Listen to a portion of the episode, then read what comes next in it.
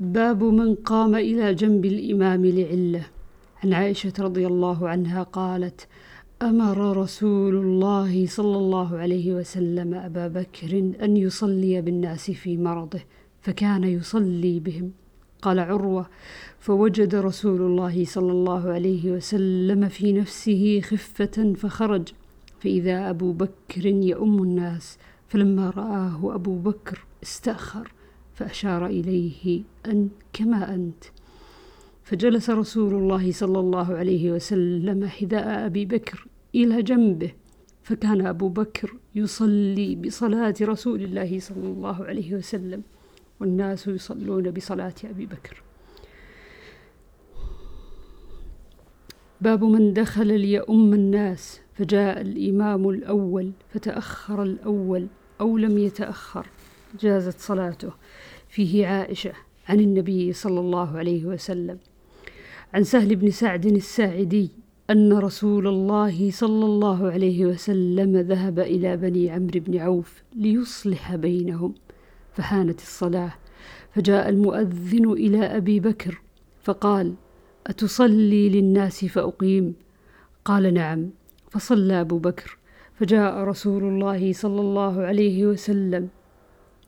والناس في الصلاة فتخلص حتى وقف في الصف فصفق الناس. وكان أبو بكر لا يلتفت في صلاته.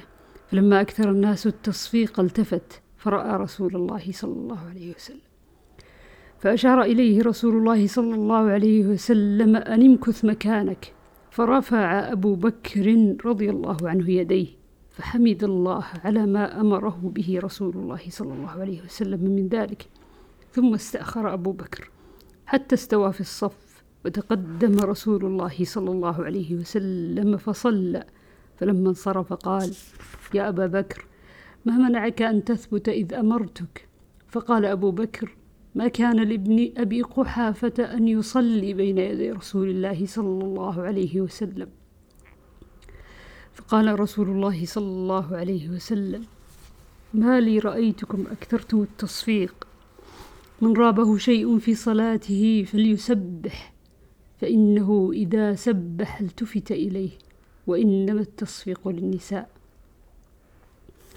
باب إذا استووا في القراءة فليؤمهم أكبرهم. عن مالك بن الحويرث قال قدمنا على النبي صلى الله عليه وسلم ونحن شببة فلبثنا عنده نحو من عشرين ليلة وكان النبي صلى الله عليه وسلم رحيما. فقال لو رجعتم إلى بلادكم فعلمتموهم. مروهم فليصلوا صلاة كذا في حين كذا وصلاة كذا في حين كذا وإذا حضرت الصلاة فليؤذن لكم أحدكم وليؤمكم أكبركم. باب إذا زار الإمام قوما فأمهم. عن عتبان بن مالك الأنصاري قال استأذن رسول النبي صلى الله عليه وسلم فأذنت له. فقال أين تحب أن أصلي من بيتك؟ فأشرت له إلى المكان الذي أحب. فقام وصففنا خلفه ثم سلم وسلمنا. باب إنما جعل الإمام ليؤتم به. وصلى النبي صلى الله عليه وسلم في مرضه الذي توفي فيه بالناس وهو جالس. وقال ابن مسعود إذا رفع قبل الإمام يعود فيمكث بقدر ما رفع ثم يتبع الإمام. وقال الحسن في من يركع مع الإمام ركعتين ولا يقدر على السجود يسجد للركعة الأخيرة سجدتين ثم يقضي الركعة الأولى بسجودها. وفي من نسي سجدة حتى قام يسجد. عن عبيد الله بن عبد الله بن عتبة قال دخلت على عائشة فقلت ألا تحدثيني عن مرض رسول الله صلى الله عليه وسلم؟ قالت بلى. ثقل النبي صلى الله عليه وسلم فقال أصلى الناس؟ فقلنا لا يا رسول الله وهم ينتظرونك. قال ضعوا لي ماء في المخضب. قالت ففعلنا فاغتسل. فذهب لينوء فأغمي عليه ثم أفاق. فقال صلى الله عليه وسلم أصلى الناس؟ قلنا لا. هم ينتظرونك. هم ينتظرونك يا رسول الله. قال ضعوا لي ماء في المخضب. قالت فقعد فاغتسل ثم ذهب لينوء فأغمي عليه. ثم أفاق. فقال أصلى الناس؟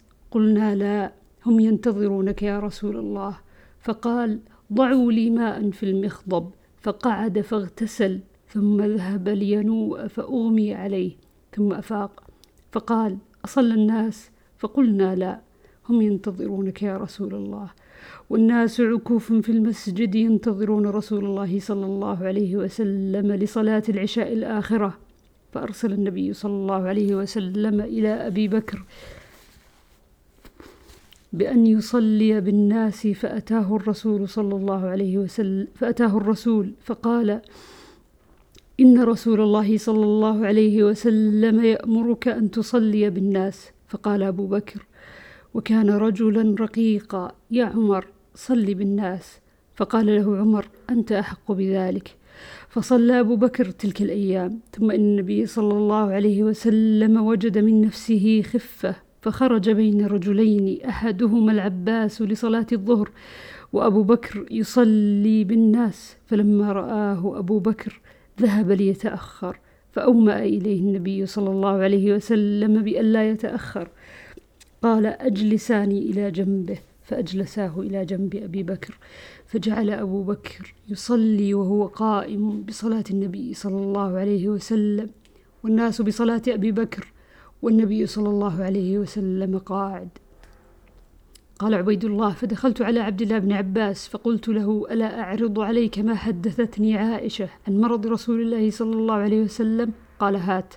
فعرضت عليه حديثها فما أنكر منه شيئا غير أنه قال أسمت لك الرجل الذي كان مع العباس؟ قلت لا. قال هو علي بن أبي طالب رضي الله عنه.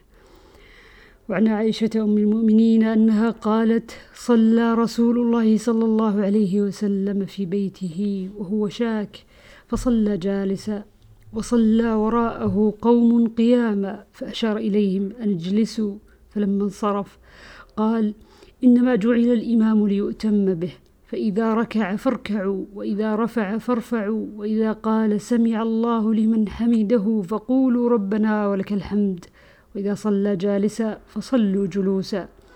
وعن أنس بن مالك أن رسول الله صلى الله عليه وسلم ركب فرسا فصرع عنه فجحش شقه الأيمن.